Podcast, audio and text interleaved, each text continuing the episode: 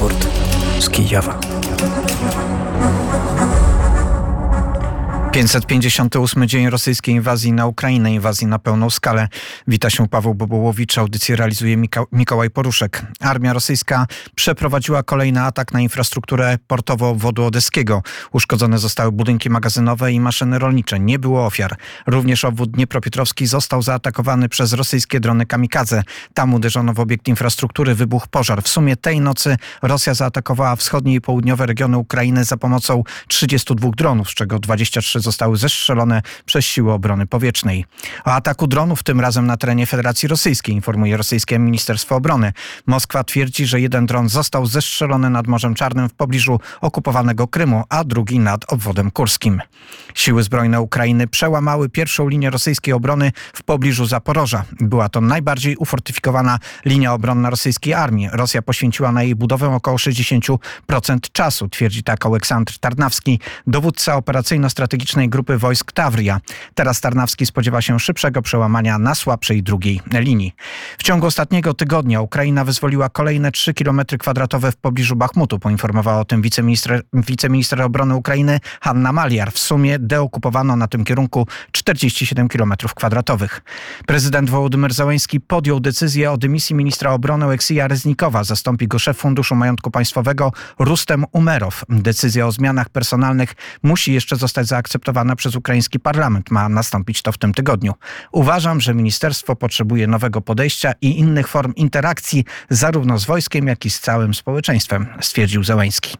Władimir Putin i przywódca Turcji Recep Tayyip Erdogan mają się dzisiaj spotkać w rosyjskim Soczi. Oczekuje się, że omówią możliwość przedłużenia umowy zbożowej, z której Rosja jednostronnie się wycofała. Wiadomości przygotowała Daria Hordyjko, a my od razu łączymy się z naszym gościem, którym jest Borys Tynka, pisarz, przewodnik, znawca Odessy i Besarabii. Dzień dobry Borysie. Dzień dobry, witam Paweł, dzień dobry, witam wszystkich słuchaczy. Mm, twoja obecność na antenie oczywiście jest związana z tym, co dzieje się mm, w Odeście i na Besarabii z rosyjskimi atakami, z rosyjskimi atakami na infrastrukturę portową, z tym wszystkim, co jest związane z eksportem e, w, w ukraińskiego zboża. Z jednej strony e, prezydent Turcji, prezydent e, w Rosji mają rozmawiać na temat ugody zbożowej, z drugiej strony byłeś prawie świadkiem, bo chyba w momencie, kiedy wyjeżdżałeś z Odessy, był, dokonano kolejnych barbarzyńskich ataków na to miasto. Y, tak, tak się złożyło, że ja przebywałem przez, w Odesie przez ostatni tydzień i wyjeżdżałem w taki bardzo symboliczny dla Odessy dzień, bo to jest Dzień Miasta, czyli 2 września w sobotę.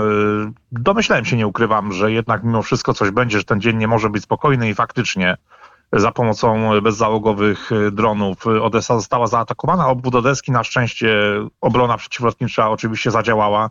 No ten dzisiejszy nocny atak to też jest taki dosyć znamienny, prawda, bo przecież za, kil za kilka godzin odbywa się to spotkanie, więc tutaj widać, że Putin chce, no nie chcę powiedzieć, występować w pozycji siły, bo to już chyba nie jest pozycja siły, ale bardziej taka, nie wiem, desperacja, prawda?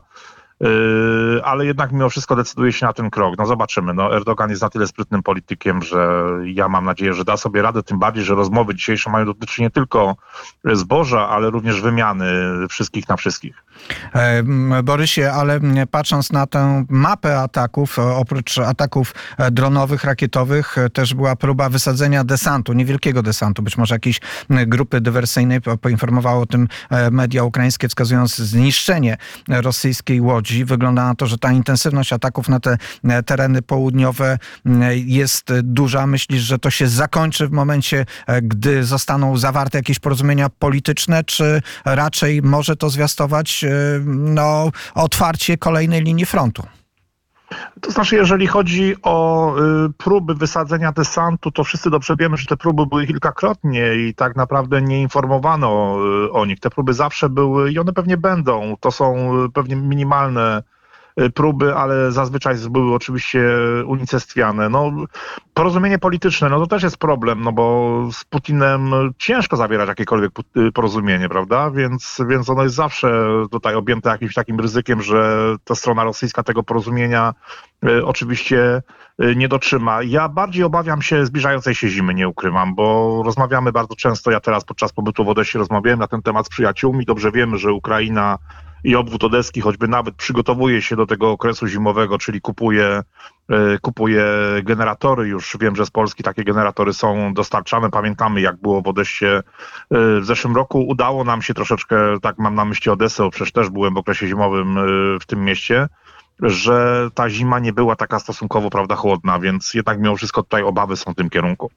Miałeś okazję obserwować, jak wygląda ten taki wzmożony ruch zbożowy, jak wygląda infrastruktura portowa, czy są kolejki ciężarówek, tak jak bywało to w poprzednich latach. E, widziałeś, jak wygląda ten element właśnie eksportu ukraińskiego zboża? Nie, przyznam uczciwie, tutaj nie chcę prowadzać w błąd słuchaczy, nie chcę prowadzać w błąd e, ciebie. Byłem w okolicy portu, miałem możliwość spoglądać na port, ale nie widziałem jakiegoś wzmożonego ruchu. A jak Mam wygląda... na myśli oczywiście port Odeski. A jak wygląda ruch turystyczny? Przecież południe Ukrainy, Odessa to właściwie stolica w, w turystyki letniej. Jak to wyglądało w tym roku?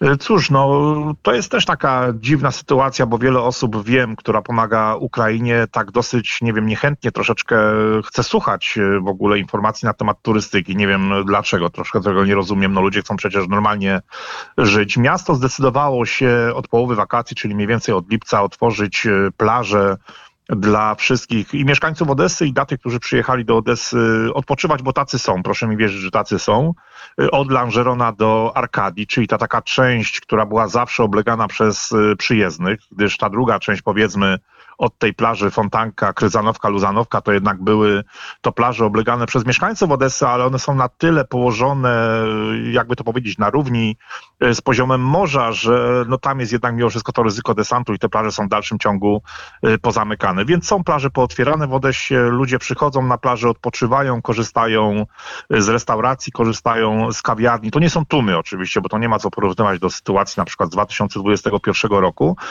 ale są to jednak mimo wszystko te grupki turystów są widoczne. Ja nie ukrywam, y, też może przyznać się tutaj na antenie, jeżeli mi pozwolisz, miałem y, w piątek pierwszą wycieczkę, oprowadzałem pierwszą wycieczkę i oprowadzałem polskich turystów, czyli to była wycieczka w języku polskim, to było w piątek, cztery, przepraszam, trzy osoby, to była pierwsza moja wycieczka od lutego 2021 roku, czyli od napaści, pełnowymiarowej napaści Rosji na Ukrainę.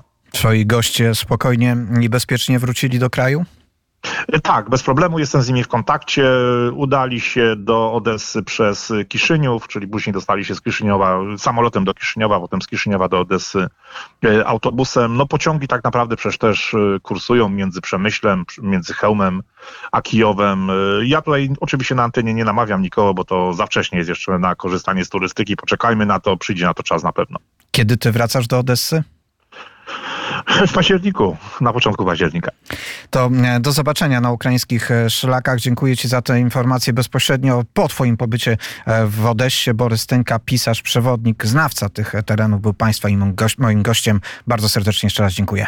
Dziękuję serdecznie, pozdrawiam słuchaczy, dziękuję Paweł za zaproszenie. A my przenosimy się z Odessy, przenosimy się do Kijowa, gdzie jest Dmytro Antoniuk. Dzień dobry Dmytrze.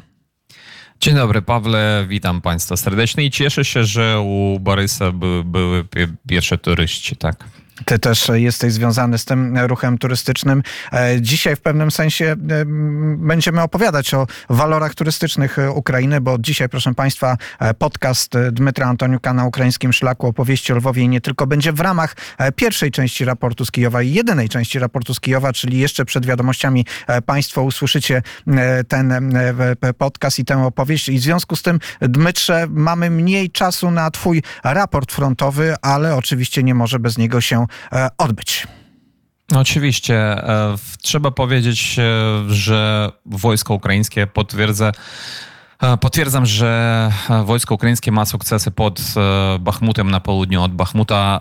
W miejscowość Kliściówka jest już albo całkowicie zwolniona, jest w, wyzwolona od wroga, albo wróg trzyma się w jakiejś tam jednej czwartej tej miejscowości, w absolutnie rozwalonych e, tych budynkach. Tam nawet no, nic nie pozostało.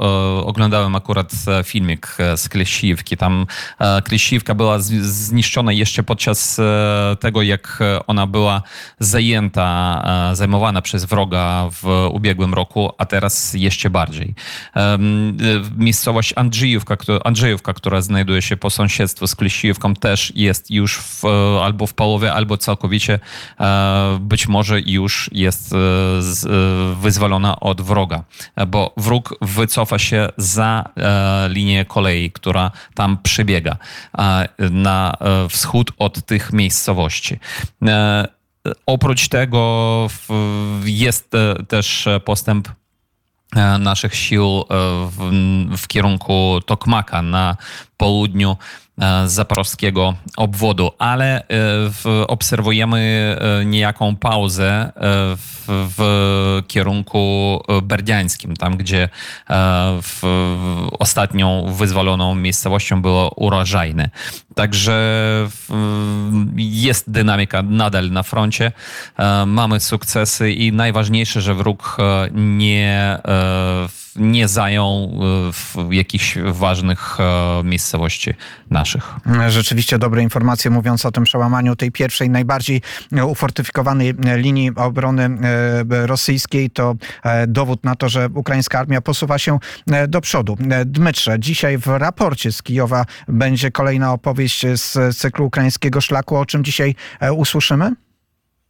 Dzisiaj mała miejscowość, e, która nazywa się Husaków i znajduje się niedaleko od e, mościsk w obwodzie lwowskim, w sumie niedaleko od, e, od granicy z Polską. Tam jest przepiękny, farny kościół świętego Stanisława z malowidłami, być może Stanisława Stroińskiego, którego malowidła można zobaczyć na przykład w archikatedrze lwowskiej, łacińskiej. To cóż, dzisiaj krótko krótszy raport dotyczący spraw frontowych, ale ważny, bo opowiemy o ukraińskim szlaku, przez który poprowadzi nas Wojciech Jankowski i oczywiście Dmytro e, Antoniuk. Na ukraińskim szlaku. Opowieści o Lwowie i nie tylko. Witamy Państwa w trzynastym odcinku podcastu prezentującego polskie zabytki na Ukrainie. Dmytro Antoniuk opowiada o kolejnej miejscowości, która będzie opisana w naszym cyklu. Witaj Wojtku i tak, dzisiaj my rozmawiamy o niedużej miejscowości, która nazywa się Husaków i znajduje się niedaleko od e, Krysowic, a w sumie niedaleko od e, granicy e, Ukrainy i Polski w obwodzie lwowskim. A czy ty, Wojtku, kojarzysz, jaka jest różnica między karmelitami bosymi a trzewiczkowymi? Będę próbował udawać, że wiem. Bosi chodzili na bosaka zapewne, a Trzewiczkowi mieli obuwie. No, e, chyba bosie mogli chodzić e, na boso gdzieś w Palestynie, gdzie w sumie powstał ten zakon, ale tak naprawdę, jeżeli chodzi o ziemiach e, tych naszych wspólnych, to tutaj oni chodzili zawsze w sandaliach. No, czyli e, można też to obserwować e, na przykład też w Berdyciowie, gdzie jest klasztor bosych karmelitów, ale e, co do Hussakowa, to tam akurat powstał e, klasztor ojców karmelitych e, trzewiczkowych, czyli wzutych. No i stało się to jeszcze w XVII stuleciu, ale zanim to się stało, to powiem, że Husaków był nie po prostu zwykłą wsią, a w 1525 roku od króla Zygmunta dostał przywilej na przekształcenie Husakowa na miasto, czyli Husaków został miastem po prostu. Pierwszymi jego dziedzicami byli boratyńscy, herbutopór, ale e, ważne, że e, w 1579 roku tą miejscowość zakupił od boratyńskich Konstanty Korniakt, czyli akurat e, z tych korniaktów, którzy mieli tą przepiękną kamienicę na rynku lwowskim. Dalej e, Korniaktowie mieli w posiadaniu e, ten Husaków e, aż do drugiej połowy XVII wieku i był on niestety też plądrowany jak przez Tatarów, tak i przez Kozaków Chmielnickiego w 1640 1908 roku, a w Husakowie też powstała parafia przeniesiona została parafia do Husakowa z, ze wsi Bojowice. I dalej powstała parafia świętego Stanisława. No, ale wracając do tego klasztoru ojców karmelitów, to ufundowany on był w roku 1623 przez znów przez Konstantego Korniakta.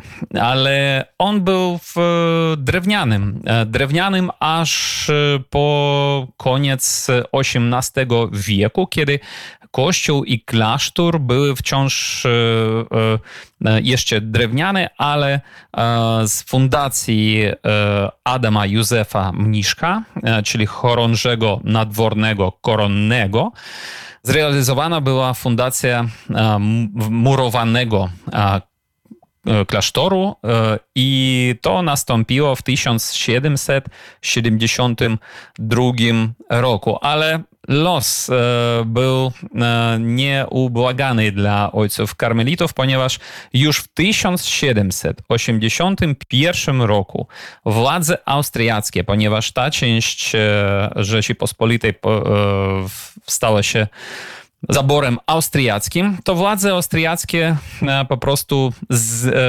znieśli ten, ten klasztor.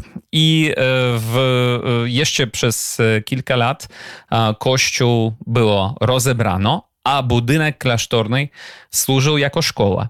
No i ja kiedy pisałem książkę o klasztorach rzymskokatolickich w Ukrainie, ja um, znalazłem informację o tym, że w Husakowie je, y, są pozostałości y, tego klasztoru i tak naprawdę jest.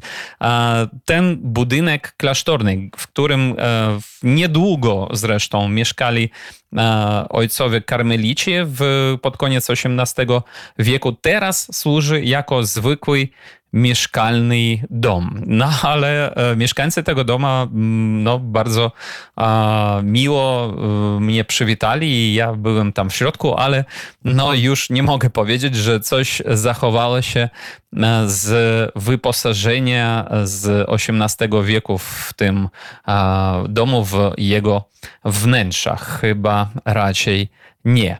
No ale... skoro my jesteśmy w Husakowie, to on słynie akurat nie e, z tego budynku e, po Karmelickiego, a e, ze swojego parafialnego kościoła.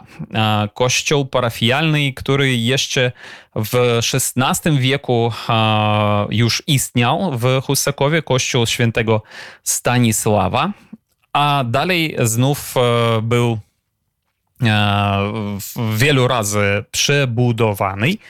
I dopiero w 1719 roku Franciszek Harczewski podczaszy Sanocki wraz z proboszczem husakowskim Janem Musikiewiczem rozpoczęli budowę nowego murowanego kościoła. I on został konsekrowany przez biskupa przemyskiego Krzysztofa Jana Szembeka. No i e, co, co ciekawe, że za kilka lat po tym już e, kolejny biskup e, przyjechał z wizytacją do Husakowa, a mianowicie Aleksander Antoni Fredra, ale to był jeszcze no, chyba poprzednik tego Fredry, o którym Opowiadaliśmy oczywiście w naszym podcaście o bańkowej wiśni i o rudkach. No i w w, e, wtedy mm, odnotowano podczas tej wizytacji w 1728 roku, że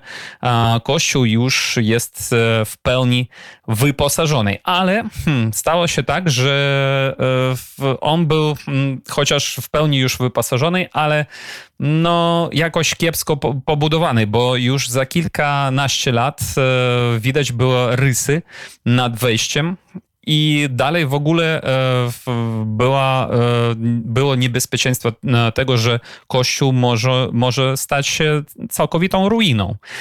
No i znów na pomóc przyszedł Adam Józef Mniszek I w 1774 roku z jego fundacji, a on wypłacił ratami sumę w 16 16 tysięcy złotych, była przeprowadzona gruntowna renowacja to, tej świątyni.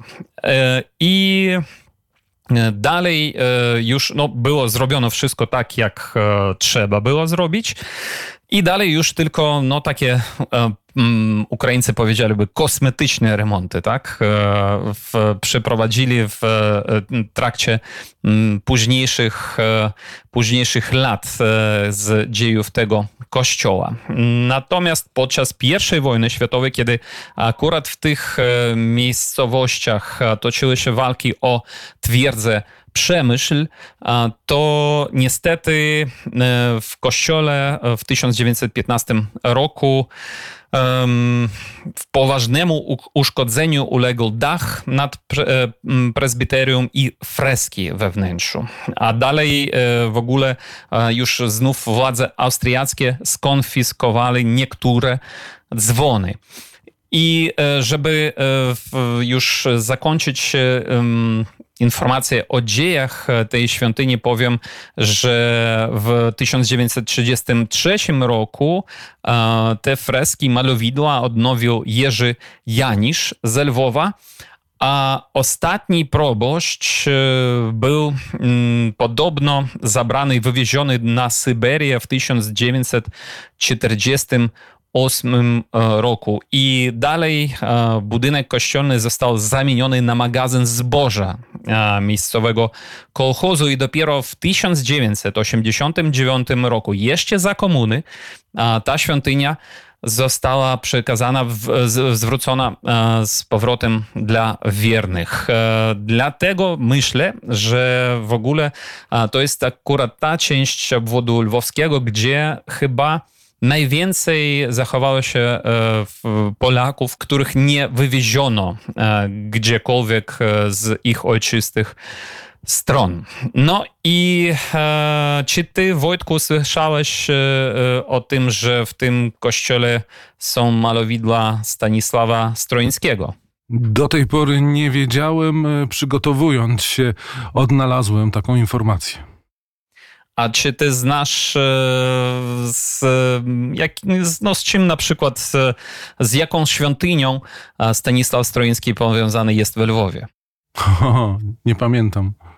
Ja ci e, podpowiem, to jest e, łacińska katedra, oczywiście, gdzie na, e, w nawach tej świątyni są e, malowidła akurat e, Stanisława Stroińskiego. No i jeszcze szereg innych świątyń w Lwowie i w innych też miejscowościach, gdzie można zobaczyć jego jego e, malowidła. No ale jeszcze e, no, mm, na 100% my nie wiemy, czy to naprawdę był Stanisław Stroiński w Husakowie, e, który zostawił nam te malowidła, ale o tym mówi na przykład Zbigniew Hornung w swojej monografii i mówi, że Stroińskiemu tam w Husakowie pomagał niejaki Tomasz Gertner. Te malowidła, mm, oni naprawdę są po prostu przepiękne. I na nich akurat trzeba zwracać uwagę szczególną, będąc w Husakowie, bo oni E, są na e, całym e, wnętrzu tej świątyni. Po prostu ja byłem tam też i wiedziałem, jak trwają prace konserwacyjne. I to naprawdę jest niesamowite. Byłem po prostu w, pod e, sufitem i e, dotknąłem się nawet do tych e, fresków być może Stanisława Stroińskiego. Teraz te malowidła, one są nadal poddane konserwacji i w ogóle cała świątynia jest poddana konserwacji mm, dziękując Instytutu Polonika. Także to jest ważne podkreślić też, że w tej świątyni znajdują się też e, kamienne figury ewangelistów. E, ewangelistów, którzy przypominają, e, nawiązują do wzorów stworzonych przez Jana Jerzego Pinzla. W Chorodence i w monasterzyskach. My akurat o Pinzlu i jego, jego figurach też w Chorodence mówiliśmy w jednym z pierwszych tych naszych odcinków. E, co jeszcze ciekawego związane jest z e, świątynią w Husakowie jest to, że e, tam stoi osobno dzwonnica, a na tej akurat dzwonicy zachował się, mimo te, tych konfiskat austriackich z czasów I wojny światowej, zachował się dzwon z 1717 roku, uwaga, i dzwon odlany w Gdańsku przez Beniamina Witwerka. To jest unikatowy dzwon, oczywiście, jeden z najstarszych e, w ogóle e, na Ukrainie i szczególnie w obwodzie lwowskim. I oczywiście to jest e, no, wielka, wielki skarb dla, dla parafii hussakowskiej. Oprócz tego, jeszcze zachował się w parafii e, kielich, jaki e, pochodzi z kościoła w Skale Podolskiej e, w dzisiejszym obwodzie tarnopolskim nad Zbruciem, gdzie przychodziła granica kiedyś z Imperium Rosyjskim, a dalej z Sowietami. I kielich pochodzi z 1712 roku, to jeszcze wcześniej, czyli sporo, naprawdę sporo e, zachowało się w, w Husakowie i mam nadzieję, że kiedy już e, prace konserwatorskie zostaną całkowicie ukończone, to ta świątynia, ta perła architektury XVIII wieku powstanie w swojej no, prawie całkowitej świętności. Dmytro Antoniuk opowiadał nam o Hussakowie i o kościele pod wezwaniem świętego Stanisława i świętego Krzysztofa, gdzie prace ratunkowe przy malowidłach nawy głównej prowadzi Instytut Polonika. Na ukraińskim szlaku opowieści o Lwowie i nie tylko to jest cykl podcastów, które mają za zadanie pokazywać polskie zabytki na wschodzie, polskie zabytki na Ukrainie, bo nie znamy dnia ani godziny, gdy w trakcie rosyjskiej agresji któryś z nich może być zniszczony. Opowiadał Państwu Dmytro Antoniuk, a ja nazywam się Wojciech Jankowski. Do usłyszenia w kolejnym podcaście. Podcast na ukraińskim szlaku, opowieści o Lwowie i nie tylko, powstał we współpracy z Instytutem Polonika, który prowadzi projekty o charakterze konserwatorskim, naukowo-badawczym, edukacyjnym i popularyzatorskim. Poznaj zasoby danych o polskim dziedzictwie za granicą. Odkryj bogactwo polskiej kultury na baza.polonika.pl.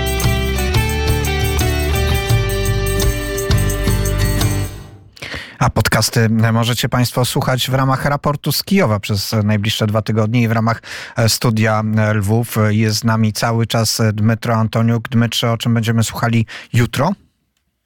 Jutro o wyjątkowym mieście, a mianowicie o Kamieńcu. O Kamieńcu na Podolu, mój ulubiony po prostu kamieniec. E, zawsze byłem milion razy po prostu w tym mieście i zawsze z przyjemnością, z zachwytem nawet e, wracam do tego miejsca, do, do stolicy, akurat do stolicy, historycznej stolicy Podola.